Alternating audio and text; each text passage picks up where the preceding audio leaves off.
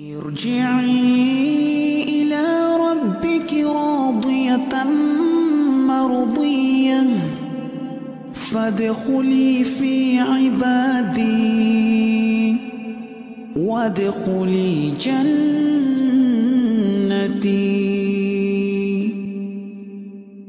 تفضل المشكور أستاذ. بارك الله فيكم. بارك الله فيكم. السلام عليكم ورحمة الله وبركاته. Alamin. Wassalatu wassalamu ala ashrafil mursalin. Nabiyyina wa maulana Muhammadin wa ala alihi wa sahbihi ajma'in.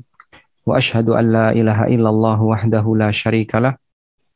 Wa ashhadu anna Muhammadan abduhu wa rasuluh. Salawatu rabbi wa salamu alaihi wa ala alihi wa ashabihi wa man sara ala nahjihi wa stanna bi sunnatihi ila yaumiddin. Allahumma anfa'na bima 'allamtana ma yanfa'una warzuqna ilma. Allahumma bika amsayna wa bika asbahna wa bika nahya wa bika wa ilaikal masir.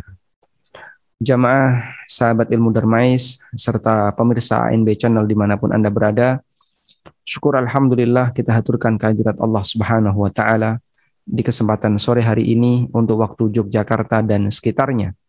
Kita kembali bisa belajar bersama membaca buku Manhajus Salikin karya Syekh Abdurrahman bin Nasir As-Sa'di rahimahullah. Dan insya Allah yang akan kita baca adalah seputar masalah bab khulu. Masih berkaitan dengan ahkamun nikah wa talak. Seputar masalah fikih pernikahan dan perceraian. Baik, langsung saja kita akan membaca bab tentang khulu. Qala al-musannifu rahimahullah. Penulis kitab Manhajus Salikin menyebutkan Babul khul'i, bab tentang khulu. Al-khulu secara bahasa berasal dari kata secara bahasa ya. Al-khulu secara bahasa berasal dari kata khala'a. Al-khulu. Berasal dari kata khala'a. Yakhla'u yakhla'u yang artinya melepas.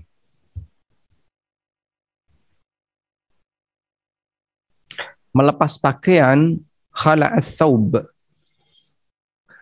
Sehingga khulu disebut khulu karena sang wanita melepas ikatan pernikahan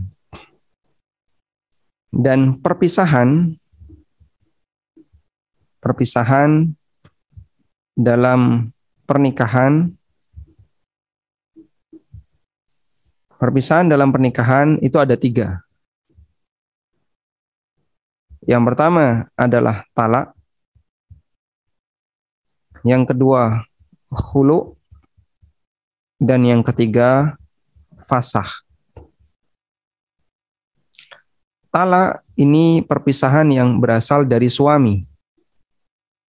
Mingki baliz zauj yang datang dari suami. Sedangkan hulu ini dari istri. Sedangkan fasah ini pengadilan. Keputusan pengadilan. Sehingga dalam akad nikah bisa dilakukan pernikahan dengan tiga posisi. Talak, khulu, dan fasa. Baik. Yang perlu untuk dipahami bahwa akad nikah akad nikah harus resmi Resmi dalam arti di situ ada saksi, ada atau yang lebih tepat di awal adalah ada pelaku, orang yang berakad, yaitu pihak suami, ada wali, dan ada saksi. Sedangkan talak, sedangkan talak tidak harus resmi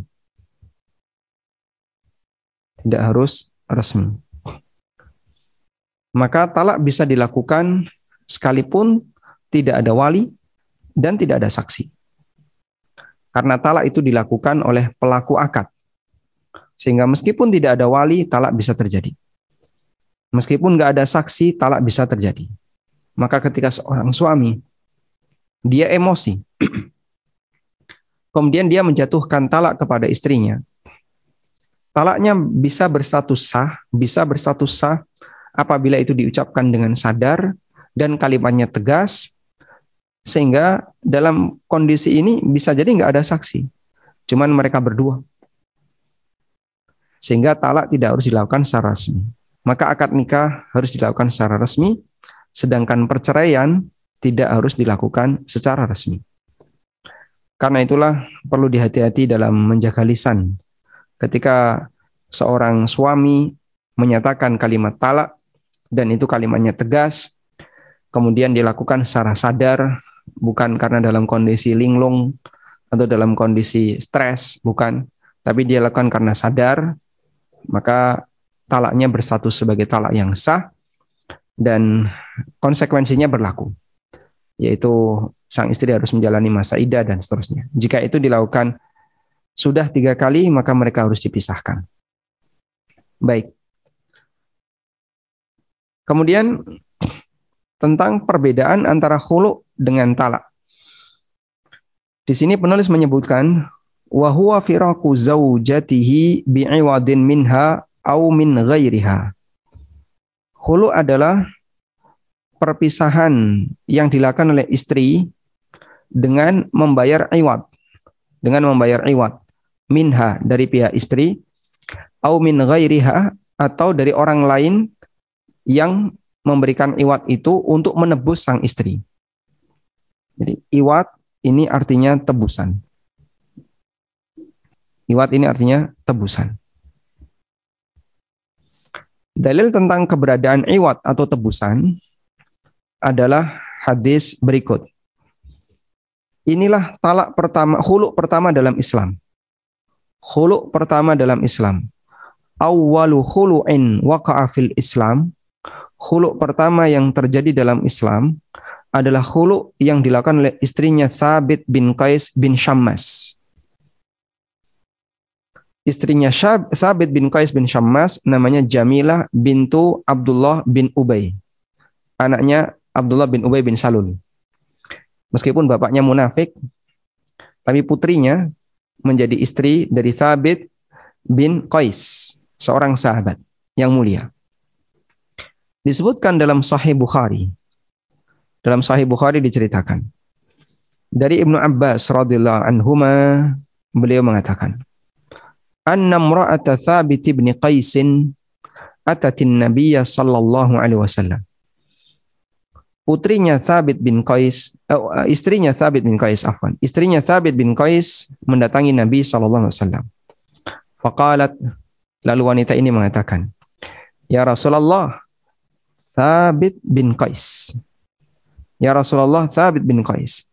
Ma'atibu alaihi fi khulukin waladinin. Ya Rasulullah, Sabit bin Qais, saya tidak menilai negatif, saya tidak menilai negatif akhlak dan agamanya. Insya Allah ya, orangnya rajin sholat jamaah, sholat wajib dikerjakan, beliau nggak ngerokok. Sabit bin Qais nggak ngerokok. Ya. Mana ada pak sahabat yang ngerokok? Ya jelas ya nggak ada ya. Baik. Ma'tibu alaihi fi khuluqin waladin. Akhlaknya bagus, baik hati, dan agamanya bagus. Walakinni akrahul kufra fil Islam. Tapi saya tidak ingin melakukan kekufuran dalam Islam. Dan yang dimaksud kufur di sini adalah kufur seorang istri kepada suami.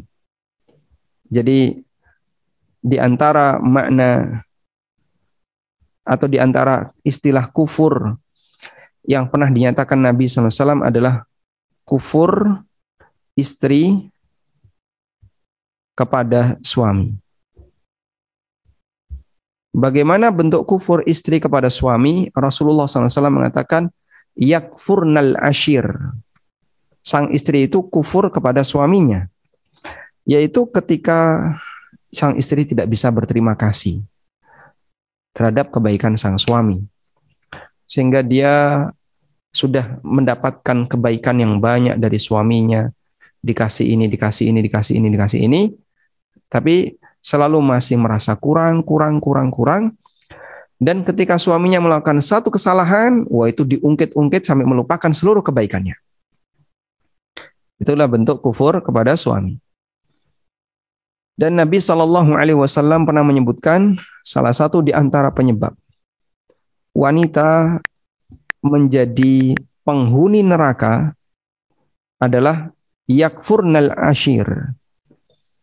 Nabi Shallallahu Alaihi Wasallam mengatakan, uritun nar fa idza aktsaru ahlihan nisa. Aku ditunjukkan neraka, ditampakkan kepadaku neraka ternyata mayoritas penduduknya adalah wanita. Yakfurna, karena mereka kufur. Kila ada yang bertanya, ayakfurna billah, apakah karena mereka kufur kepada Allah? Qala jawab Nabi SAW, yakfurnal asir. Mereka itu kufur kepada suaminya. Yakfurnal ihsan. Mereka kufur dalam arti mengingkari kebaikan suami. Lau ahsanta ila ihdahunna dahra. Kalau kalian wahai para lelaki sudah berbuat baik kepada istri kalian ad-dahra sepanjang waktu. Thumma ra'at minka kemudian dia melihat pada dirimu ada syai'an kekurangan. Qalat maka sang wanita ini mengatakan, "Ma ra'aitu minka khairan qat." Kamu ini lelaki nggak ada baiknya. Ya. Mungkin suaminya dikatakan nggak produktif lah, Suaminya dikatakan nggak baik, suaminya tidak dikatakan tidak royal, suaminya dikatakan pelit, suaminya dikatakan dikatakan dikatakan. Padahal kebaikan suaminya sudah sangat banyak. Dan biasanya sebab kufur kepada suami adalah karena kekurangan. Kekurangan suami. Kekurangan suami yang utama ada dua, fisik yang kedua harta. Kekurangan suami secara umum ada dua, fisik atau kekurangan harta. Nah, di saat itulah istrinya akan memberikan komentar sehingga kesetiaan terlihat tidak dominan karena ada kekurangan fisik pada suaminya atau ada kekurangan harta pada suaminya. Sebab yang namanya wanita terkadang punya kecenderungan suka membandingkan suaminya dengan suami orang lain. Kurang cakep, kurang kaya, kurang banyak utang. Oh enggak ya, yang ketiga tidak. Atau kebanyakan utang. Ya, kurang update apa? Kurang gaul dan seterusnya. Tapi secara umum dua ini. Kekurangan pada posisi fisik dan kekurangan pada posisi posisi harta. Sekarang coba kita lihat. Ya. Lalu istrinya Thabit bin Qais radhiyallahu anhuma mengatakan walakinni akrahul kufra fil Islam. Saya takut melakukan kekufuran dalam Islam maksudnya tidak bisa berterima kasih kepada suami. Kenapa tidak bisa berterima kasih kepada suami? Thabit bin Qais itu mukanya sangat tidak cakep. Gimana kalimat yang ya pakai ini aja ya. Insya Allah jamaah paham ya. Sabit bin Qais radhiyallahu anhu itu fisiknya sangat tidak cakep. Padahal beliau kaya. Faqala Rasulullah SAW. Maka Rasulullah SAW mengatakan, Aturidina alaihi, Aturidina alaihi hadikata. Kamu siap nggak mengembalikan kebunnya? Qalat na'am. Wanita ini mengatakan, siap. Qala Rasulullah SAW. Kemudian Nabi SAW bersabda kepada Thabit bin Qais, Iqbalil hadiqah wa tallikha tatliqatan. Terima saja itu kebunnya, silakan kau terima itu kebunnya, dan ceraikan dia satu kalimat cerai. Maka kemudian dicerita, diceraikan oleh Thabit bin Qais. Jadi istrinya Thabit Sabit itu menikah dengan istrinya, namanya siapa tadi? Jamilah bintu Abdullah bin Ubay bin Salul. Ini maharnya mahar kebun. Masya Allah. Coba ada nggak di Indonesia yang maharnya kebun sawit? Maharnya ke- kebun atau sawah. Maharnya sawah. Itu wanita kalau mau gugat cerai mikir dia. Berarti kalau saya gugat cerai saya harus kembalikan ini sawah. Thabit bin Qais ketika menikahi Jamilah maharnya kebun. Makanya Thabit ini bukan orang miskin. Tapi kenapa Jamilah takut untuk uh, kufur kepada suami karena kekurangan suaminya sangat dominan karena masalah fisik. Jadi ceritanya Thabit bin Qais pernah jalan bareng dengan para sahabat. Istrinya lihat dari jendela. Sederetan lelaki itu yang paling ya yang paling rendah derajat fisiknya Thabit. Nah, itu mungkin membuat dia terus mungkin shock ya. Suami saya ternyata seperti ini. Akhirnya beliau nggak kuat dengan kondisi fisiknya Thabit bin Qais. Maka beliau mengajukan khulu. Baik, sekarang coba kita lihat keterangan dari para ulama. Warawa Ahmad dan diriwayatkan oleh Imam Ahmad dari Sahal bin Abi Hasmah. Qala beliau mengatakan, wa kana awwalu khulu'in fil Islam dan itu adalah khulu' yang pertama dalam Islam. Wa hadzaba ba'dul ulama dan sebagian ulama mengatakan ila annal khulu'a waqa'a fil jahiliyah bahwa khulu' sudah pernah terjadi di zaman jahiliyah. Tapi setelah Islam yang pertama kali khulu' adalah istrinya Thabit bin Qais yaitu Jamilah bintu Abdullah bin Ubay. As-San'ani menjelaskan dalam kitabnya Sublus Salam. Wakila innahu waqa'a fil jahiliyah. Khulu pernah terjadi di zaman jahiliyah, yaitu bahwasanya Amir bin Darb menikahkan putrinya min ibni akhi dengan keponakannya yaitu Amin ibn Harith. Falamma dakhalat alaihi nafarat minhu. Ketika ketemu Amir bin Harith, wanita ini lari dan mengadu ke ayahnya. Faqala lalu ayahnya mengatakan la ajma'u alaika firaqu ahlika wa malika wa qad khalaqtaha minka bima ataitaha.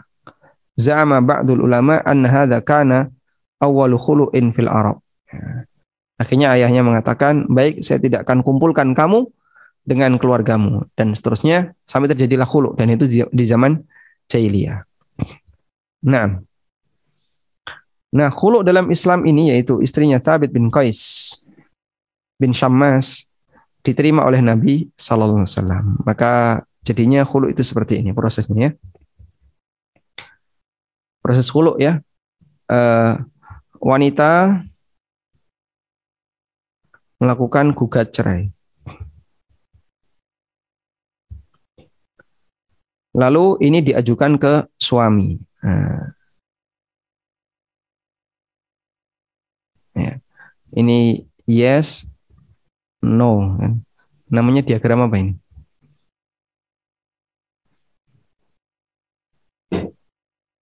Eh? Uh, wanita melakukan gugat cerai. Apa? Kemudian diajukan ke suami, ceraikan saya. Kalau suami menolak atau suami di sini menolak ya betul. Di sini posisi menolak. Maka nanti ke pengadilan. Dilanjutkan ke pengadilan. Suami menolak. dilanjutkan ke pengadilan. Kalau yes di sini terjadi cerai. Dilanjut ke pengadilan, kemudian pengadilan ini nanti akan menimbang. Kalau diterima, terjadi cerai. Kalau tidak, tidak diterima, dikembalikan kepada wanita. Baik. Jadi gugat cerai, ini diagram alirnya kayak gini ya wanita melakukan gugat cerai mengajukan cerai kepada suaminya, minta diceraikan. Gugat cerai itu artinya minta diceraikan. Kalau begitu, abang tolong ceraikan saya. Kalau suami menerima, nah suami menerima ini ada dua ya. Kalau suami menerima ini ada dua. Yang pertama menerima tanpa kembali mahar. Kalau suami menerima tanpa kembali mahar. Ini statusnya talak. Yang kedua, suami menerima kembali mahar. Ini statusnya hulu. Sudah?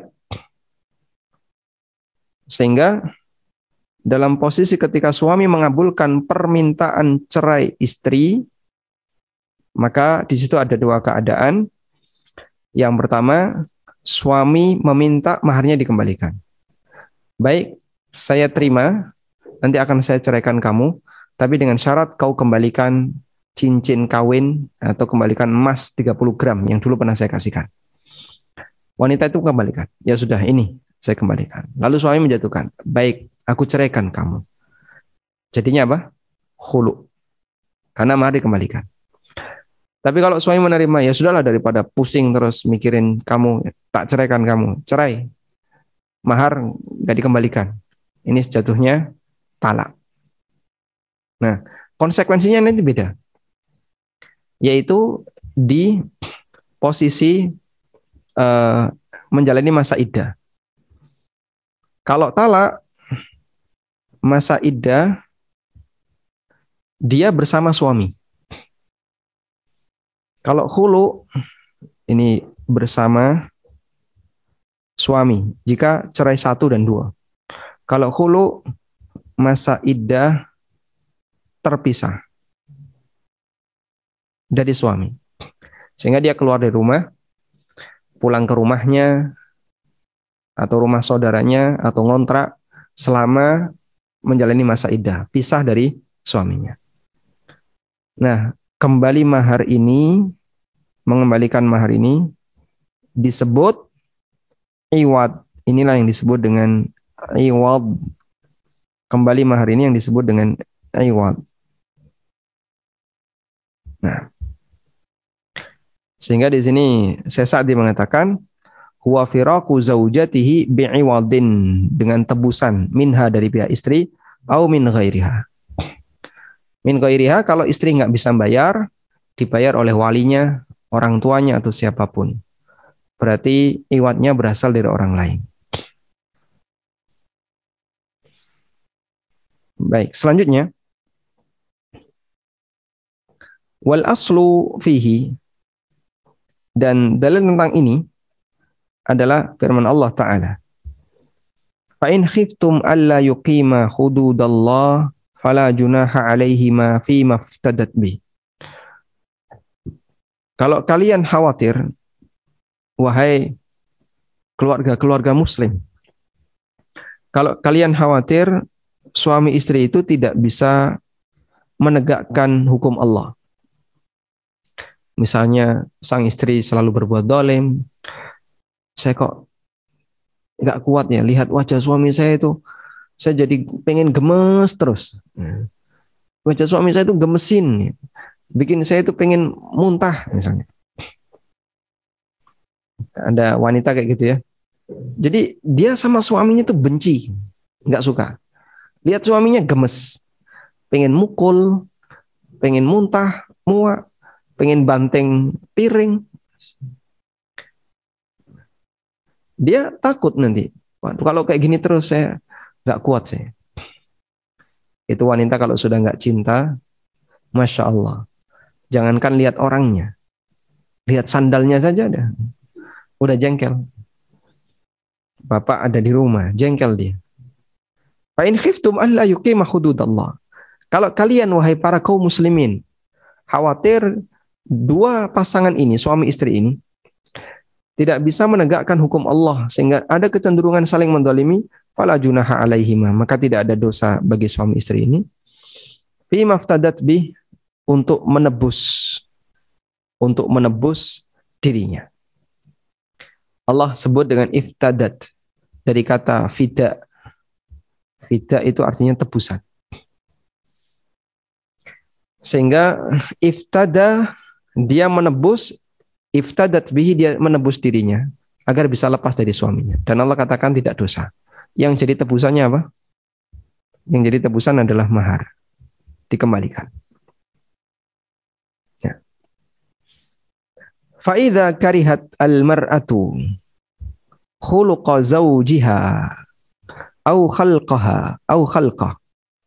Ketika seorang wanita benci dengan akhlak suaminya. Benci dengan akhlak suaminya misalnya suaminya jadi pemabuk ya. Suami saya itu namanya Muhammad. Sejak ada iklan Muhammad gratis minum, sekarang jadi suka mendem. Masya Allah. La haula wa la quwata illa billah. Suaminya jadi pemabuk. Dan itu nama yang salah pada posisi orang. Ya. Namanya bagus tapi orangnya tercela.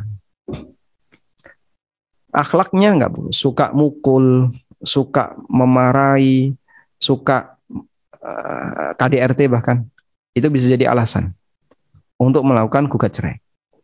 Au khalqiha atau fisiknya. Misalnya suaminya jelek banget ya. Atau uh, apa lagi? hitam banget. Atau apa lagi? Pokoknya yang serba banget ya. Kebangetan kan. Wa khafat alla tuqima dan wanita ini khawatir dia tidak bisa menegakkan melaksanakan hak yang wajib untuk suaminya. Bi iqamatiha ma'ahu. Sehingga dia nggak bisa tinggal lama-lama dengan suaminya. Jangankan dilayani ketemu aja muak. Sehingga meskipun sang suami sudah ngasih misalnya nafkah sudah ngasih uang tapi ketemu istrinya itu muak istrinya muak nggak dimasakin kan wala ba'sa an tabdulalahu iwadan liyufariqaha. Maka tidak masalah sang wanita ini menyerahkan iwad tebusan untuk bisa membebaskan dirinya sehingga berpisah dari suaminya. Wa yasihhu fi kulli qalilin wa kathirin mimman yasihhu talaquhu. Dan sah fi kulli qalilin wa kathir mimman yasihu talaquhu uh, wallahu alam saya tidak paham tentang kulli qalilin dan sah untuk setiap yang sedikit maupun yang banyak dari orang yang sah talaknya. Wallahu alam mungkin ya. Yang boleh maksud adalah baik masa usianya pendek maupun panjang, khulu itu sah. Atau bisa juga baik maharnya itu banyak maupun sedikit sah hulunya. Sehingga maharnya cuma seribu. Ya enggak apa-apa kembalikan seribu. Gampang sekali wanita hulu kalau maharnya cuma seribu. Pak, maharnya apa? Seperangkat alat sholat. Masya Allah. Itu berat itu. Masjidnya. Seperangkat alat sholat masuk masjid nggak? Terus sound system masjid. Tidak masuk ya. Sehingga khulu sah meskipun yang dikembalikan itu sedikit. Mimman yasihu talakuhu dari orang yang talaknya sah. Fa in kana li ghairi khaufin alla tuqima hududallahi faqad waradal hadis. Nah, tapi di sini ada hal yang perlu diwaspadai. Menggugat cerai tanpa alasan yang benar maka termasuk di antara dosa besar. Wanita gugat cerai tanpa alasan yang benar termasuk dosa besar. Sebentar, di sini ada catatan footnote ya. Di sini ada catatan footnote. Wala yuhsabu minat talak. Khulu itu tidak terhitung talak. Walau kana bilafdit talak wa niyatihi. Meskipun dengan lafaz talak atau niat talak sebagaimana yang diluruskan oleh Syekh dalam Al-Mukhtarat Al-Jaliyah. Wa mithlu dalika dan termasuk hal ini kata Syekh adalah man hal hakim limujibin. Orang yang dipisahkan oleh hakim karena sebab tertentu.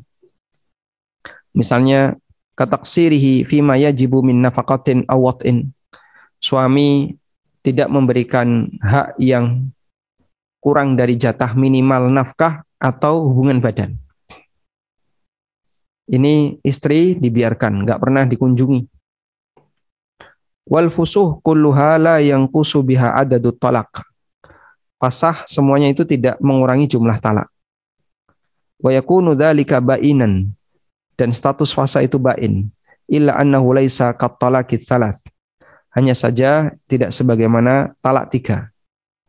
Bal yahillu ayatazawwaja binikahin jadidin biridaha sehingga halal untuk dinikahi kembali dengan akad yang baru atas kerelaan sang istri. Wa waliyin wa syuhud ada wali dan ada saksi. Walau fi iddatiha meskipun di masa iddahnya. Li'annal iddata uh, limubiniha au fusuhati minhu. Karena idahnya ini idah untuk orang yang melakukan talak bain tadi atau lil masfuhah minhu. Baik, ceritanya kayak gini ya. Jadi kita kembali ke pembagian ini tadi. Ini penting nih bagi pembagian ini ya. Perbedaan antara talak, khulu, fasah. Talak huluk fasa ini berbeda dari asalnya dan juga berbeda dari konsekuensinya. Kalau talak maksimal berapa? Maksimal tiga. Hulu tidak ada. Ini juga tidak ada. Sehingga yang dibatasi oleh Allah marratan fa imsakum bima'rufin aw tasrihum bi ihsan. Cerai itu yang bisa rujuk dua kali. Kalau satu kali lagi cerai, jadi cerai tiga nggak bisa rujuk. Maka talak maksimal tiga. Sedangkan hulu tidak ada. Nah, kalau terjadi hulu, apakah mengurangi jatah talak? Yang jadi pertanyaan gitu. Ya. Kalau terjadi hulu, apakah mengurangi jatah talak? Sehingga misalnya begini, uh, dalam sebuah perjalanan rumah tangga, dalam perjalanan sebuah perjalanan rumah tangga. Nah, dalam perjalanan rumah tangga begini ya garis ini terjadi perceraian, nah, petir, ya, cerai ini ya. Cerai satu. Lalu ada masalah. Kemudian terjadilah hulu. Terjadi hulu. Hulu yang digugat oleh istri dan dikabulkan. Sudah? Yang jadi pertanyaan, hulu ini apakah terhitung cerai dua? Jawabannya tidak. Tidak terhitung cerai dua.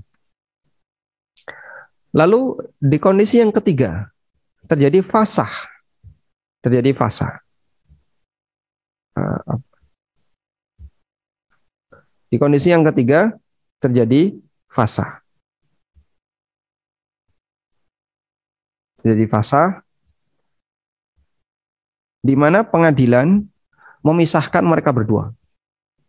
Karena misalnya eh, sang suami nggak pulang-pulang. Akhirnya pengadilan memutuskan kalian berpisah. Karena istri menggugat. Maka terjadilah fasa. Baik. Apakah ini juga terhitung cerai? Jawabannya tidak. Sehingga tetap terhitung cerai satu. Maka kalau terjadi cerai lagi, di sini terjadi cerai, ya setelah itu nikah lagi ya. Ini dengan dengan posisi setelah itu nikah lagi. Terjadilah cerai yang kedua. Maka ini terhitung cerai dua. Ya. Dan ini jadinya di sini ada nikah lagi. Nah, ini nikah lagi. Nah, gitu ya. Ini setelah fasah nikah lagi. Boleh kayak gini. Karena pernikahan setelah hulu diperbolehkan. Ini terjadi nikah lagi, terjadi nikah lagi. Setelah cerai satu, rujuk atau nikah lagi. Terus hulu dikabul, dikabulkan suami, pisah mereka. Terus setelah itu nikah lagi. Terus fasah dikabulkan hakim. Terus nikah lagi, terus cerai. Cerai ini tidak terhitung sebagai eh, hulu dan fasah tidak terhitung sebagai perceraian sehingga dalam hal ini nanti tidak mengurangi jatah cerai ini. Tidak mengurangi jatah cerai. Yang maksimal tiga kali. Dipahami insya Allah? Baik. Nah, kita lanjutkan ke sini. Jadi hulu kalau tidak ada sebab yang diizinkan oleh syariat termasuk dosa besar. Berdasarkan hadis di mana Nabi SAW bersabda, "Man sa'alat zaujahat talaqa min ghairi ma ba'sun faharamun 'alaiha raihatul jannah." Siapa yang meminta diceraikan oleh suaminya tanpa alasan yang benar, maka haram baginya untuk mencium bau surga. Subhanallah. Berat konsekuensinya. Ya. Dan bahkan dalam riwayat yang lain, Nabi SAW pernah mengatakan, tilkal munafiqat, tilkal munafiqat. Beliau SAW pernah menyebut sebagai wanita munafiqat. Beliau mengatakan, Al-munafiqatu hunnal muhtali'at. Dalam hadis yang sahih, Rasulullah SAW bersabda, Innal mukhtali'at. Sesungguhnya wanita yang suka gugat cerai, hunnal munafiqat. Itulah para wanita munafik. Ini dari Sauban mantan budak Nabi sallallahu alaihi wasallam.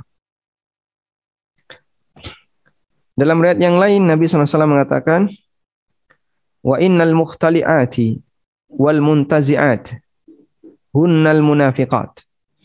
Wanita yang minta khulu dan minta cerai itulah wanita munafik. Wa ma min imra'atin tas'alu zawjaha talaqa. Setiap wanita yang dia meminta cerai min ghairi ba'sin tanpa alasan yang benar. Fatajidu rihal jannah maka dia tidak akan mendapatkan bau surga. Dalam riwayat yang, yang lain raihatal jannah, dia tidak mendapatkan bau surga. Dan hadisnya hadis yang sahih diriwayatkan oleh Al-Mundhiri dalam At-Targhib wa Tarhib. Wallahu alam. Karena itu pada asalnya hulu hukumnya tidak boleh kecuali karena ada sebab yang diizinkan oleh syariat. Dan di antara sebabnya dirangkum oleh Syekh Sa'di adalah adanya cacat akhlak dari suaminya atau cacat fisik dari suaminya. Sehingga wanita boleh gugat cerai misalnya. Suaminya kecelakaan. Sampai efeknya adalah uh, jadi jadi impoten ya. Sehingga sang istri tidak mendapatkan kebutuhan biologis. Akhirnya dia gugat cerai. Diperbolehkan. Atau suaminya nggak bisa bekerja. Lalu istri gugat cerai karena suaminya tidak bisa memenuhi kebutuhan nafkahnya. Diperbolehkan. Dan seterusnya, sebab itu bagian dari hak yang harus dipenuhi oleh seorang suami Ketika suami tidak sanggup untuk memenuhinya, maka istri diizinkan untuk melakukan gugat cerai. Baik. Kemudian kita tambahkan, lalu apa saja ya, yang kira-kira membolehkan untuk hulu?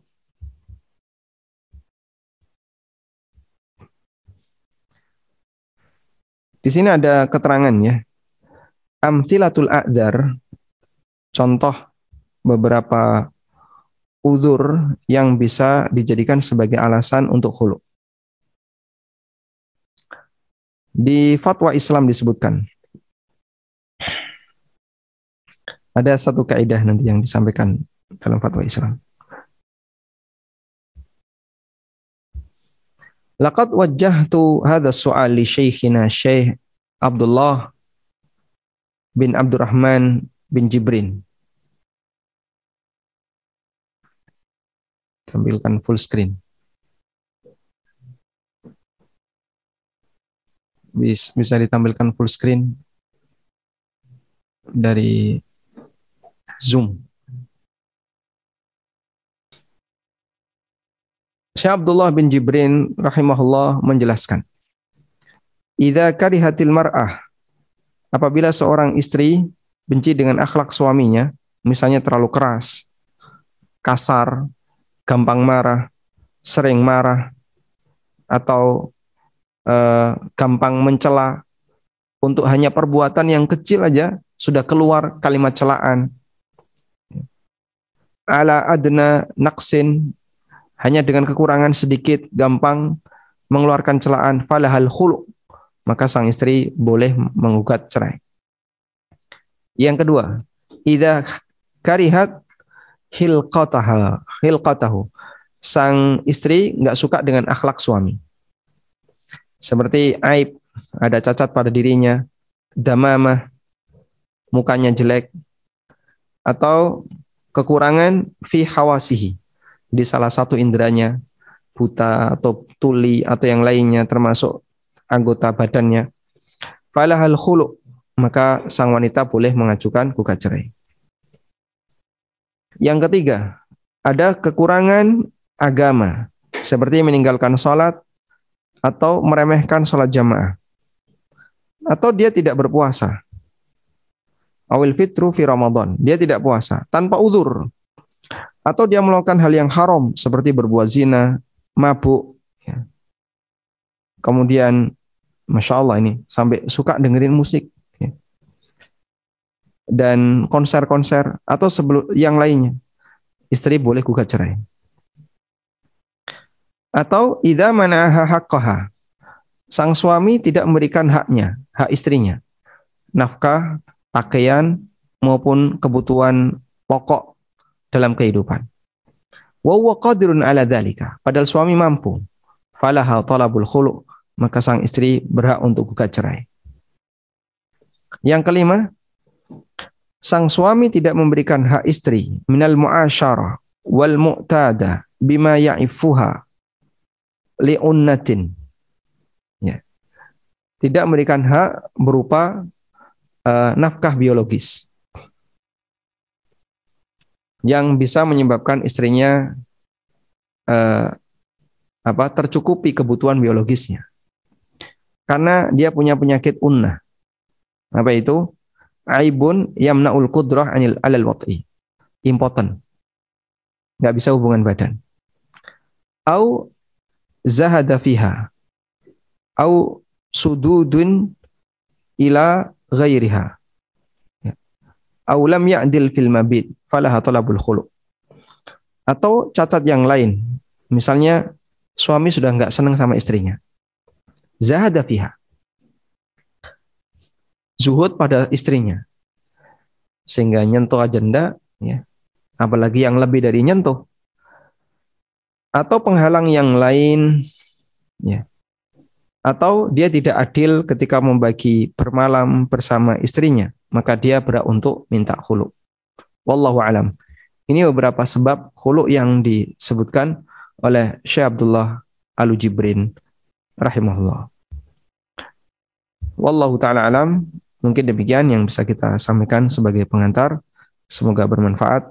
Wassallallahu ala nabiyyina Muhammadin wa ala alihi wa sahbihi wasallam. Alhamdulillah Barakallahu fikum Ustaz atas materinya yang sangat uh, padat namun juga uh, sangat jelas untuk kita semua dan Uh, Alhamdulillah sudah ada beberapa pertanyaan masuk banyak bahkan. Namun sebelumnya sepertinya ada hal yang istimewa Ustaz karena berhubungan dengan kajian fikih keluarga ada beberapa jemaah atau kerabatnya yang menuliskan chat untuk siap nikah dengan biodata yang uh, singkat. Ada 4 sampai 5 jemaah atau kerabatnya yang mengiklankan diri siap nikah. Uh, mungkin kru dari ARB Channel ada yang siap juga bisa dikomunikasikan insya Allah. Ada yang tanya ini dokter bukan gitu. yang jelas CV yang masuk tenaga kesehatan tidak dijelaskan. Oh tenaga kesehatan.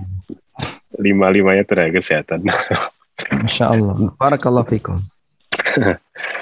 Nah, Bismillah. Uh, izin saya bacakan pertanyaan yang sudah masuk ke kolom chat Ustaz. Bismillah, Assalamualaikum warahmatullahi wabarakatuh. As, uh, Ustadz izin bertanya, bagaimana kalau suami malas belajar agama karena dulu pas kenal tidak sampai tahu kalau suami tidak bisa membaca Al-Quran, sehingga membuat istri kadang menjadi jenuh dan punya niat dalam hati ingin berpisah. Mohon nasihatnya Ustadz. Jazakallahu khairan. Barakallahu khairan. Kalau sebatas dari posisi ini, selama sang suami masih melaksanakan kewajiban sebagai seorang muslim, dia sholat, dia puasa, kemudian sholat jamaah, ya, dan kewajiban muslim yang lainnya, silakan Anda tetap bertahan. Masalah dia nggak bisa membaca Al-Quran, uh, kemudian malas belajar agama, ini belum sampai pada titik dia meninggalkan kewajiban sebagai seorang muslim. Ya memang yang namanya ilmu wajib wajib dipelajari, harus dia pelajari. Maka sang suami harus belajar ilmu wajib dan Anda kasih kasih, kasih peringatan ke suami Anda. Ada ilmu wajib yang tidak boleh ditinggalkan. Kalau ditinggalkan dosa. Nanti tunjukkan ilmu wajib contohnya apa? Belajar akidah. Belajar tentang fikih keluarga yang kalau tidak tahu menyebabkan keluarga itu jadi melanggar syariat. Nah, bagian ini harus diingatkan. Wallahu alam. Dan gabungkan dengan komunitas orang-orang yang soleh di Jakarta, insya Allah cukup banyak.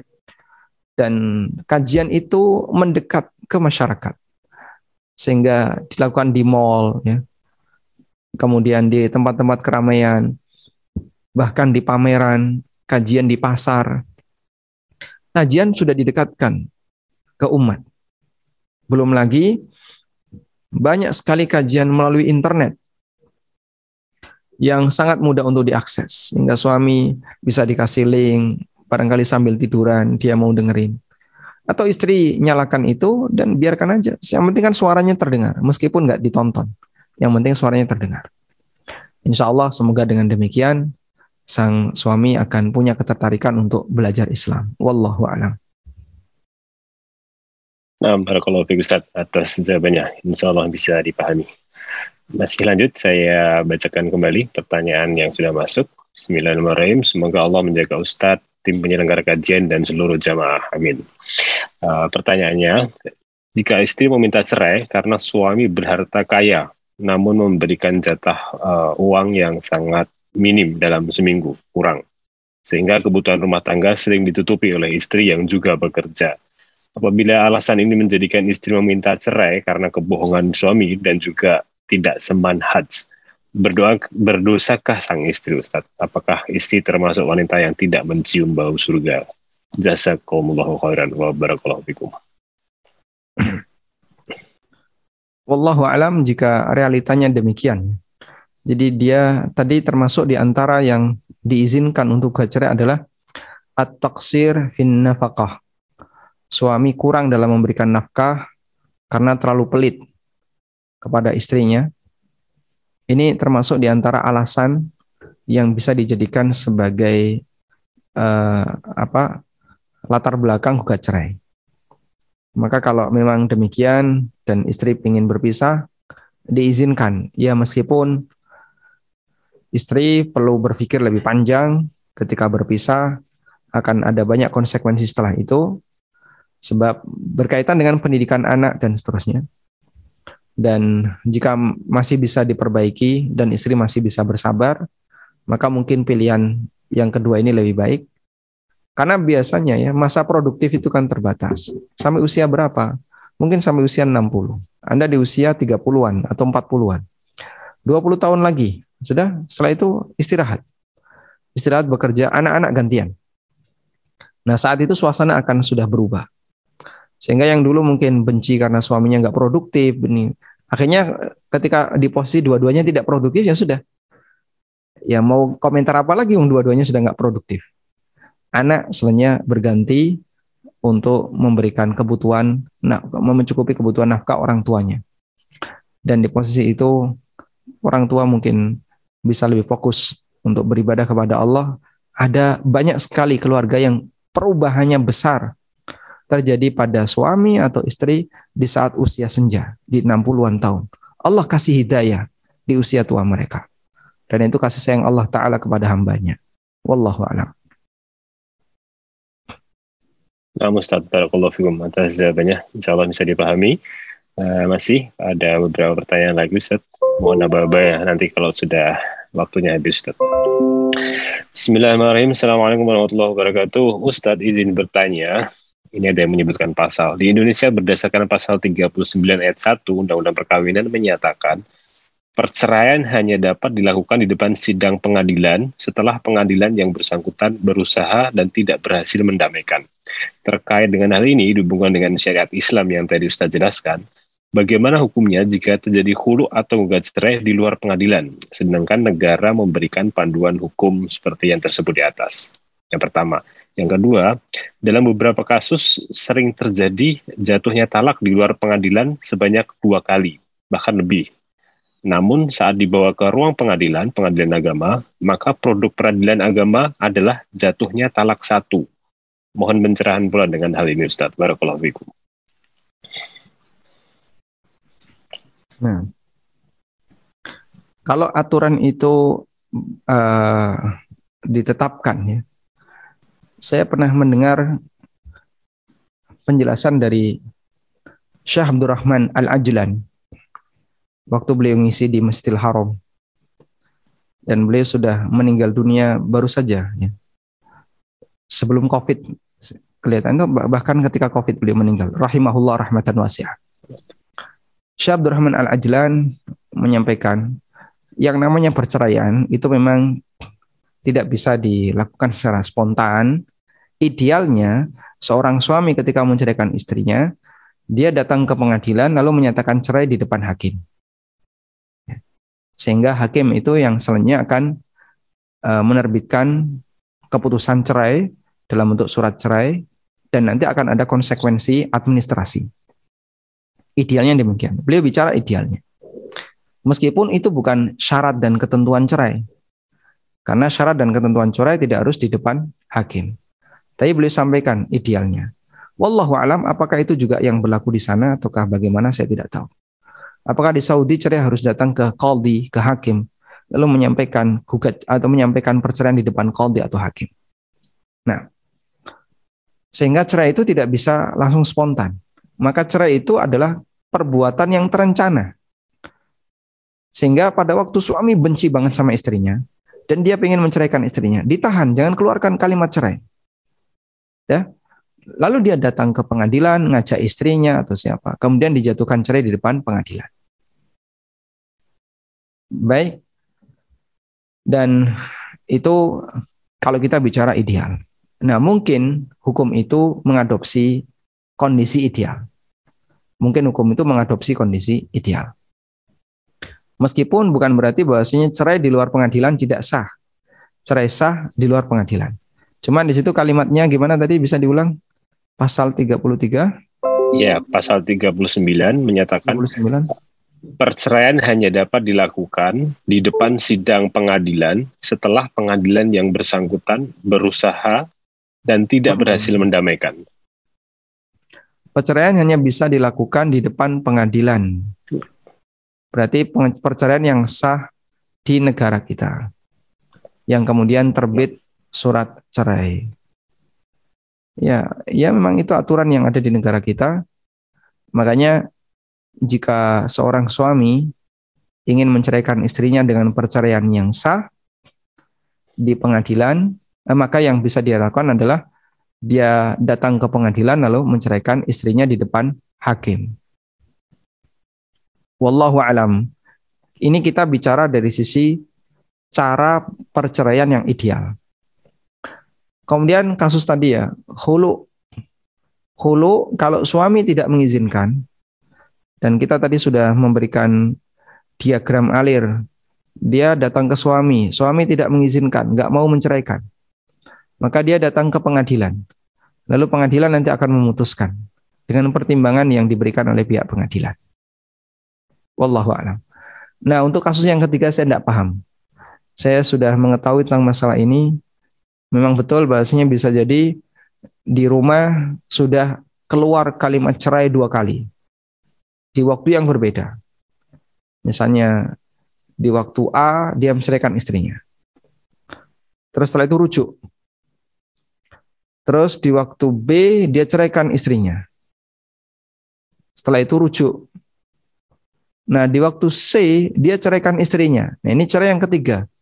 Saat cerai yang ketiga ini mau minta surat cerai, datang ke pengadilan. Saat datang ke pengadilan, dihitung oleh pengadilan cerai satu. Nah, saya tidak paham. Eh, kalau secara agama itu terhitung cerai tiga.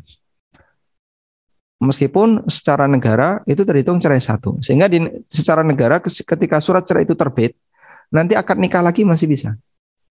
Tanpa harus dilangkai oleh lelaki yang lain. Tapi secara agama ini tidak boleh. Ya, jadinya kita menyesuaikan diri. Di sini ada aturan agama, di sini ada aturan yang ditetapkan oleh negara. Anda sesuaikan saja yang kira-kira tidak saling bertabrakan diikuti.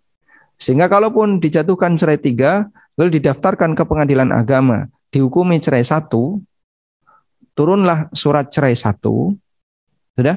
Ya berarti nanti jangan rujuk. Anggap itu cerai tiga. Sehingga mereka pisah sampai si wanita ini dinikahi lagi oleh lelaki yang lain, ya, kemudian nanti bisa bercerai lagi, eh, bisa menikah lagi apabila masih ada rasa cinta untuk kembali. Wallahu a'lam. Barakallahu fikum Ustaz atas jawabannya. Insya Allah bisa dipahami. Wallahualam. Dan uh, sebelum saya lanjutkan pertanyaan, ada beberapa tambahan dari jemaah yang mengirimkan CV singkatnya yang insya Allah siap untuk uh, nikah dan berikhtiar untuk cari uh, jodoh di forum kajian ini. Ada yang domisili di Yogyakarta, Ustaz. Nah, Sebenarnya ini disilangkan saja kalau saya baca itu kan ada yang usianya sama ya. Laki usia 33 lajang.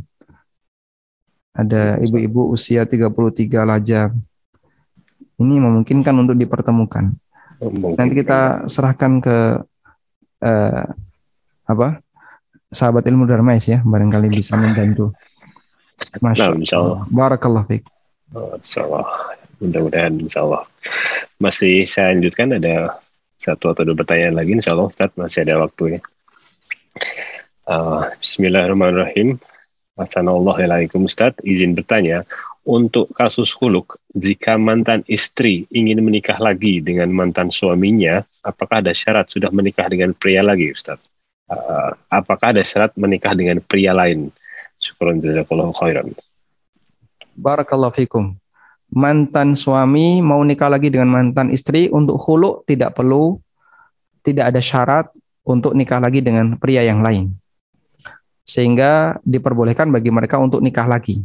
Sebagaimana keterangan saya saat tadi ya, bahwasanya hulu tidak terhitung sebagai cerai.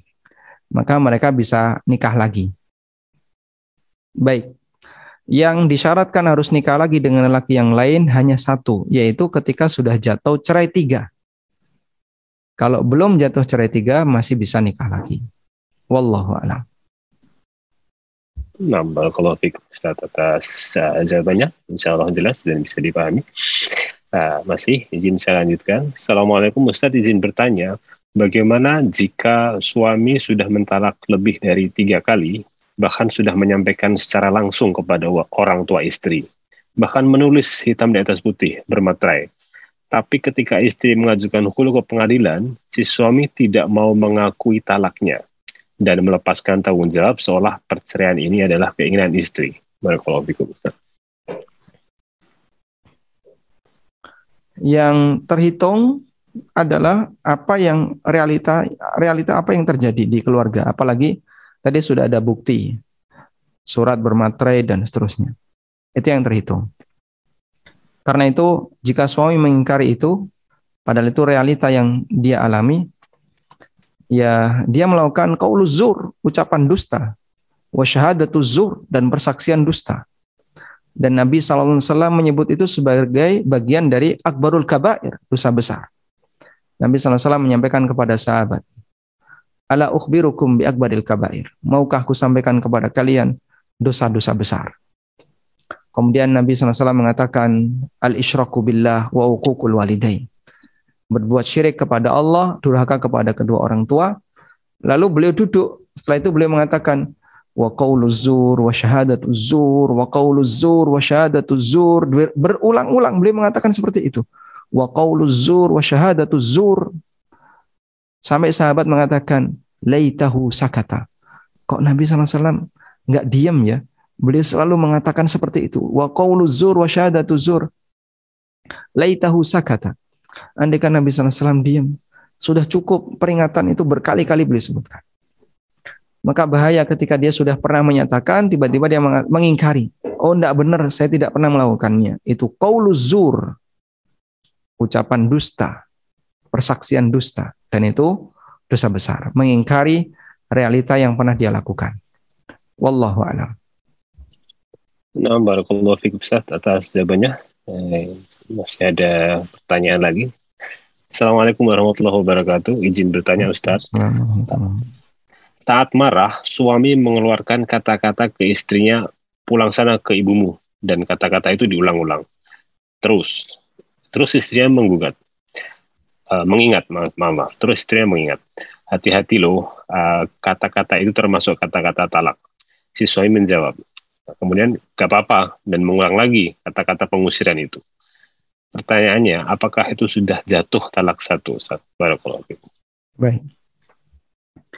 Di antara permasalahan yang cukup rumit untuk dipelajari dalam fikih keluarga adalah masalah perceraian. Jadi kalimat cerai kalimat cerai ada dua. Ada yang tegas disebut kalimat sorry dan ada yang tidak tegas yang disebut dengan kinayah. Tidak tegas itu berarti bersayap. Nah, kalimat tidak tegas artinya kalimat bersayap. Untuk yang tegas, misalnya kalimatnya aku ceraikan kamu. Contoh yang lain, saya talak kamu. Itu tegas. Itu nggak pakai dilihat niat. Tapi niat saya nggak cerai kok. Saya ngomong, memang saya tadi ngomong saya ceraikan. Tapi niat saya bukan itu. Niat saya ya dia tak suruh mandi. Nah, jauh sekali Pak. Kalau semuanya harus dikembalikan dengan klarifikasi niat, semua ucapan jadi nggak berlaku. Maka yang sudah tegas nggak perlu pakai klarifikasi. Maksud saya seperti ini. Kalau tegas itu nggak nggak butuh klarifikasi karena sudah tegas. Nah, yang kedua yang tidak tegas, ini butuh klarifikasi. Nah, yang butuh klarifikasi ini ditanyakan kepada suami, niatnya apa? Apa niat suami mengucapkan kalimat itu? Nah, kembalilah kamu ke ibumu, pulang sana ke ibumu, kembali ke rumah orang tuamu, pulang sana kamu, dan kalimat semacamnya, itu termasuk kalimat cerai tidak tegas. Karena suruh kembali pulang, itu bisa maknanya kamu pulang, nanti balik lagi. Atau bisa maknanya pulang dan jangan balik lagi. Karena sebatas pulang ke orang tua, belum tentu uh, dimaksudkan untuk bercerai. Ini termasuk kalimat kinayah, kalimat cerai yang bersayap. Sehingga ini butuh klarifikasi dari suami. Niat suami apa ketika dia ngomong kayak gitu? Apakah niatnya cerai atau tidak? Maka kalau sudah suasana mereda, tanyanya jangan pas lagi emosi ya. Ketika suami mengatakan pulang kamu ke rumahmu, Nah, kemudian sudah suasana sudah mereda. Istri tanya, kemarin kamu ngomong kayak gitu niatnya menceraikan aku atau tidak? Kalau suami mengatakan, saya ingin menceraikan kamu, berarti jatuh cerai, satu. Kalau suami bilang, oh enggak, enggak ada niat untuk itu, berarti tidak jatuh cerai. Nah yang jadi masalah, bagaimana kalau dia enggak punya niat? Enggak ngerti saya. Saya enggak punya niat apa pun. Yang pokoknya ngomong kayak gitu. Kalau enggak ngerti seperti ini, hukum asalnya tidak ada niat cerai. Sebab niat cerai itu ada. Sehingga kalau enggak ngerti, berarti hukum asalnya enggak ada. Maka ketika suami bilang, kemarin saya enggak tahu apakah dia niat menceraikan, apakah saya niat menceraikan kamu atau tidak, saya tidak tahu. Maka tidak jatuh cerai insya Allah. Wallahu alam. Nah tentang kalimat pulanglah, ini pernah diucapkan oleh Nabi Sallallahu Alaihi Wasallam, pernah diucapkan oleh Rasulullah Sallallahu Alaihi Wasallam, dan pernah diucapkan oleh sahabat Ka'ab bin Malik. Dan saat Nabi SAW mengucapkan, pulanglah kamu ke, orang, ke rumah orang tuamu, niat beliau cerai. Saat sahabat Ka'ab bin Malik yang mengucapkan itu, niatnya tidak cerai. Dua-duanya terjadi di masa Rasulullah SAW. Nabi SAW mengucapkan kalimat ini saat beliau nikah. Lalu beliau kumpul dengan istrinya.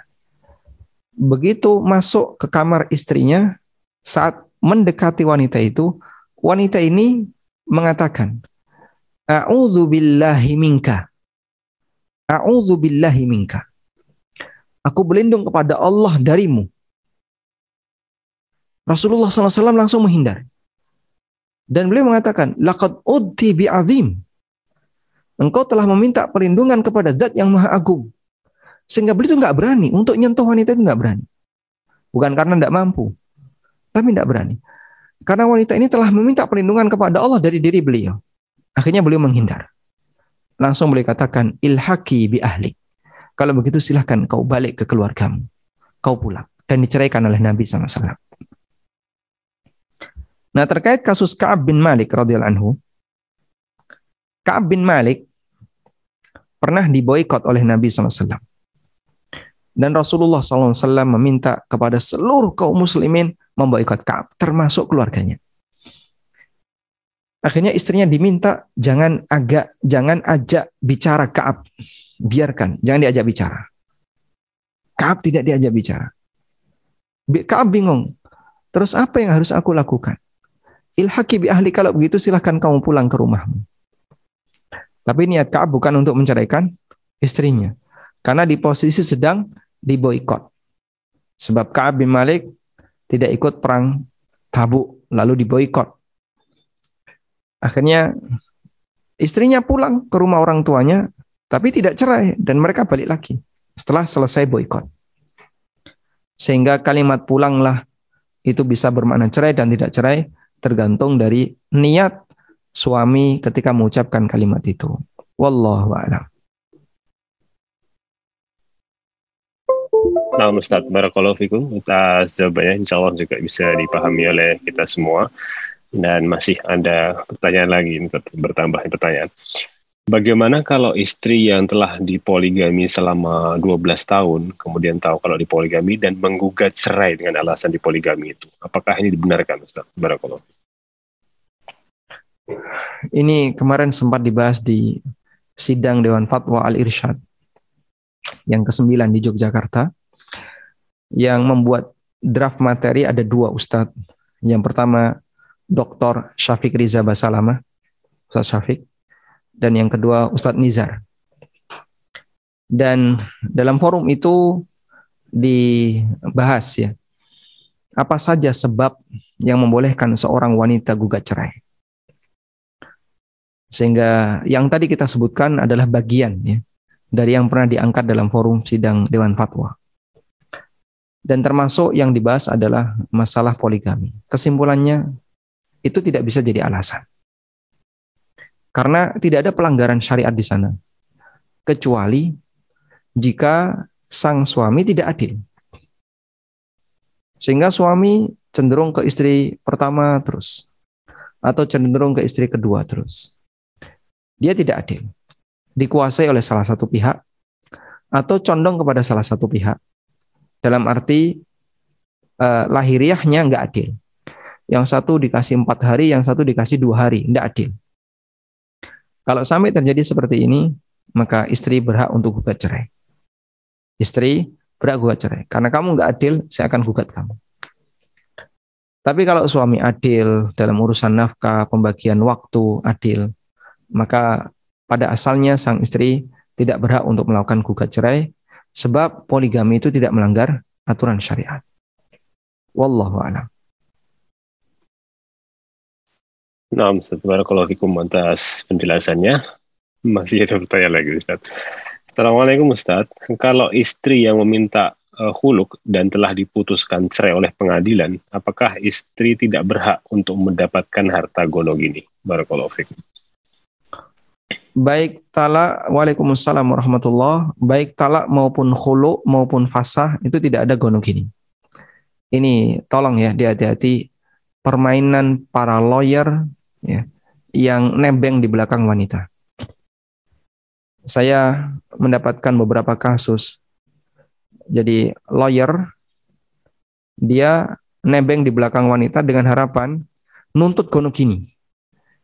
Padahal si wanita ini sebenarnya nggak pingin cerai, tapi ditekan sama keluarganya, sama lawyer, dan kesepakatannya nanti kalau berhasil dapat gono gini 50%. Lawyer, Masya Allah. Harta itu bisa hilang ke tangan orang lain. Dia bisa berbangga, bahagia, dapat harta banyak di atas penderitaan orang lain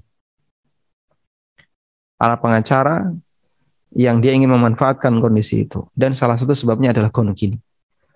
Maka tolong dihati-hati, gonokini tidak ada. Dalam Islam tidak ada. Tidak ada gonokini dalam Islam. Itu kedoliman. Apabila istri tidak punya peran dalam pengadaan harta di keluarga. Sehingga ketika terjadi perpisahan dalam keluarga, maka hak suami adalah harta yang diusahakan oleh suami. Hak istri adalah harta yang diusahakan oleh istri. Sudah?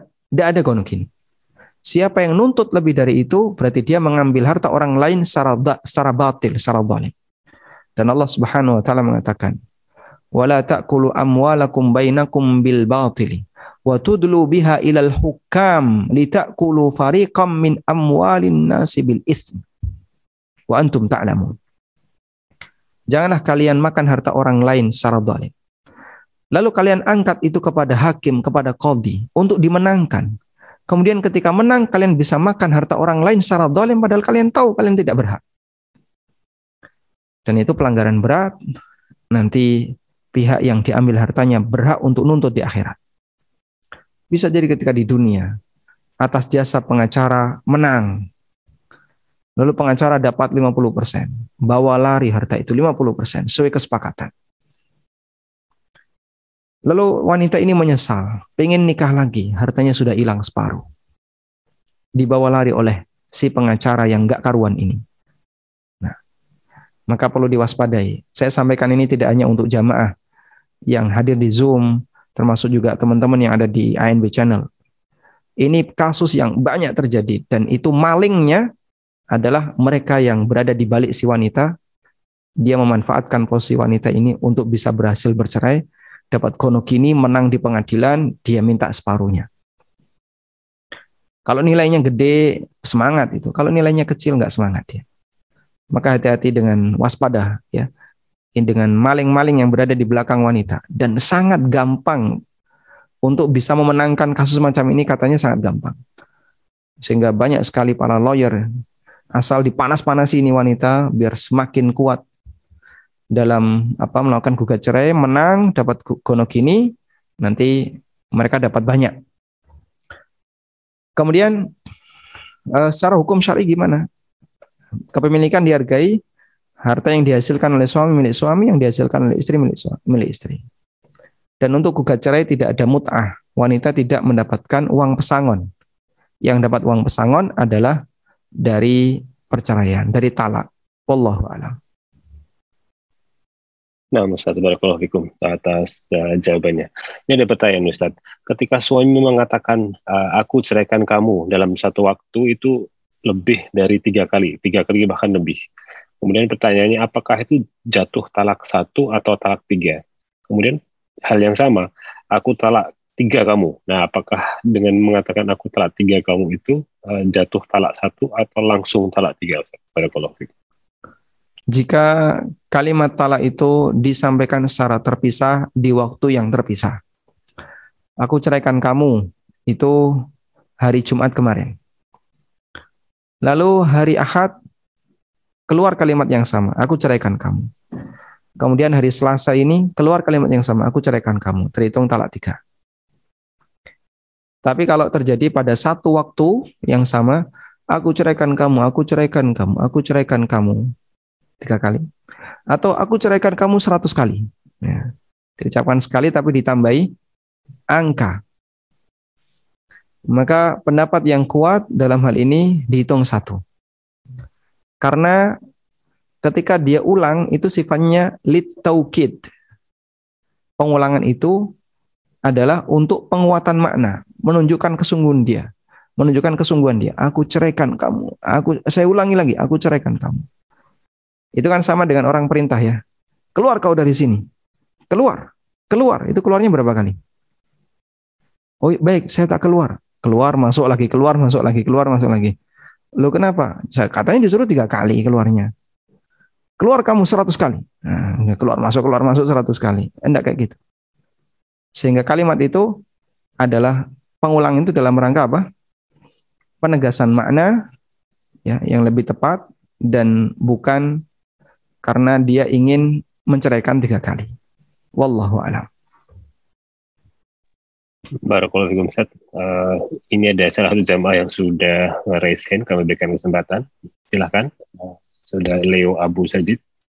Silahkan di unmute. Berarti pertanyaan yang terakhir? Insya Allah Ustaz. Ya. Jazakallah khairan moderator. Assalamualaikum warahmatullahi wabarakatuh Ustaz. Waalaikumsalam warahmatullahi wabarakatuh. Uh, Barakallahu fiik Ustaz. Afwan Ustaz, uh, ini pertanyaannya di luar tema karena menyangkut masih ini kan masih terkait sama haji nih Ustaz. Jadi uh, alhamdulillah di kantor Ana itu memberikan fasilitas bantuan haji nih Ustaz. Jadi uh, nanti ketika misalnya memenuhi syarat-syarat maka nanti karyawan ini akan diberikan bantuan dana haji. Nah, cuma syarat-syaratnya itu Ustaz adalah uh, apa namanya jadi perusahaan ini kan rajin nih Ustadz. Uh, cukup rutin untuk mengadakan kajian-kajian. Dan cuma yang anda perhatikan dari uh, kajian-kajian ini narasumbernya itu adalah ustadz-ustadz yang tidak sunnah Ustadz. Bahkan salah satu ustadznya anda sempat dapat cari tahu tuh dia benci sama salah satu apa namanya dakwah sunnah lah gitu Ustadz salah satu ustadznya. Nah ini bagaimana Ustadz? Apakah anda bisa mengambil uh, fasilitas ini Ustadz itu aja Ustaz jazakallahu Baik. Apakah antum bisa mengambil fasilitas itu selama antum memenuhi syarat? Silahkan. Karena kan di situ syaratnya misalnya ikut kajian, bukan mencintai ustadz narasumber kajian. Kalau mencintai ustadz, misalnya syaratnya harus mencintai ustadz narasumber kajian. Tapi antum nggak suka sama narasumbernya, berarti anda tidak memenuhi syarat. Cuman kalau syaratnya ikut kajian dan Anda hadir di kajian itu, ikut. Lalu uh, masuk uh, apa di presensi hadir. Anda hadir. Tidak masalah, berarti Anda memenuhi syarat. Sehingga Afwan, dalam, maksudnya aktif dalam rangka uh, mengadakan kajian-kajian, mengadakan berbagai kegiatan-kegiatan yang ada di uh, perusahaan tersebut, Ustaz, kegiatan agama yang notabene Anda perhatikan uh, sejauh ini belum uh, sesuai dengan sunnah gitu sepenuhnya Ustaz. Seperti itu Ustaz. Jadi Anda bisa uh, ikut mengundang narasumber. Betul. Kalau Betul. bisa ikut berarti silakan terlibat di situ sehingga bersaing dengan teman-teman yang lain untuk nyarikan narasumber dan kasih rekomendasi saya punya narasumber yang bagus, ini recommended dan seterusnya. Yang kira-kira tidak menebar kebencian, karena kan kadang ada model kajian yang isinya cuma menebar kebencian Ya, sehingga Anda bisa referensikan ini insya Allah uh, apa enak didengar dan seterusnya. Jadi Anda tetap aktif, tapi aktif dengan maksud mengarahkan. Barangkali mereka bisa mendapatkan narasumber yang lebih baik. Wallahu a'lam. Alhamdulillah. Jazakallah khairan. Wa jazakumullah khairan. Tayyib. Mungkin itu yang bisa kita sampaikan di kesempatan sore hari ini. Semoga menjadi kajian yang bermanfaat. وصلى الله على نبينا محمد وعلى آله وصحبه وسلم. وآخر دعوانا أن الحمد لله رب العالمين. والسلام عليكم ورحمة الله وبركاته. ارجعي إلى ربك راضية مرضية. فادخلي في عبادي. وادخلي جنتي.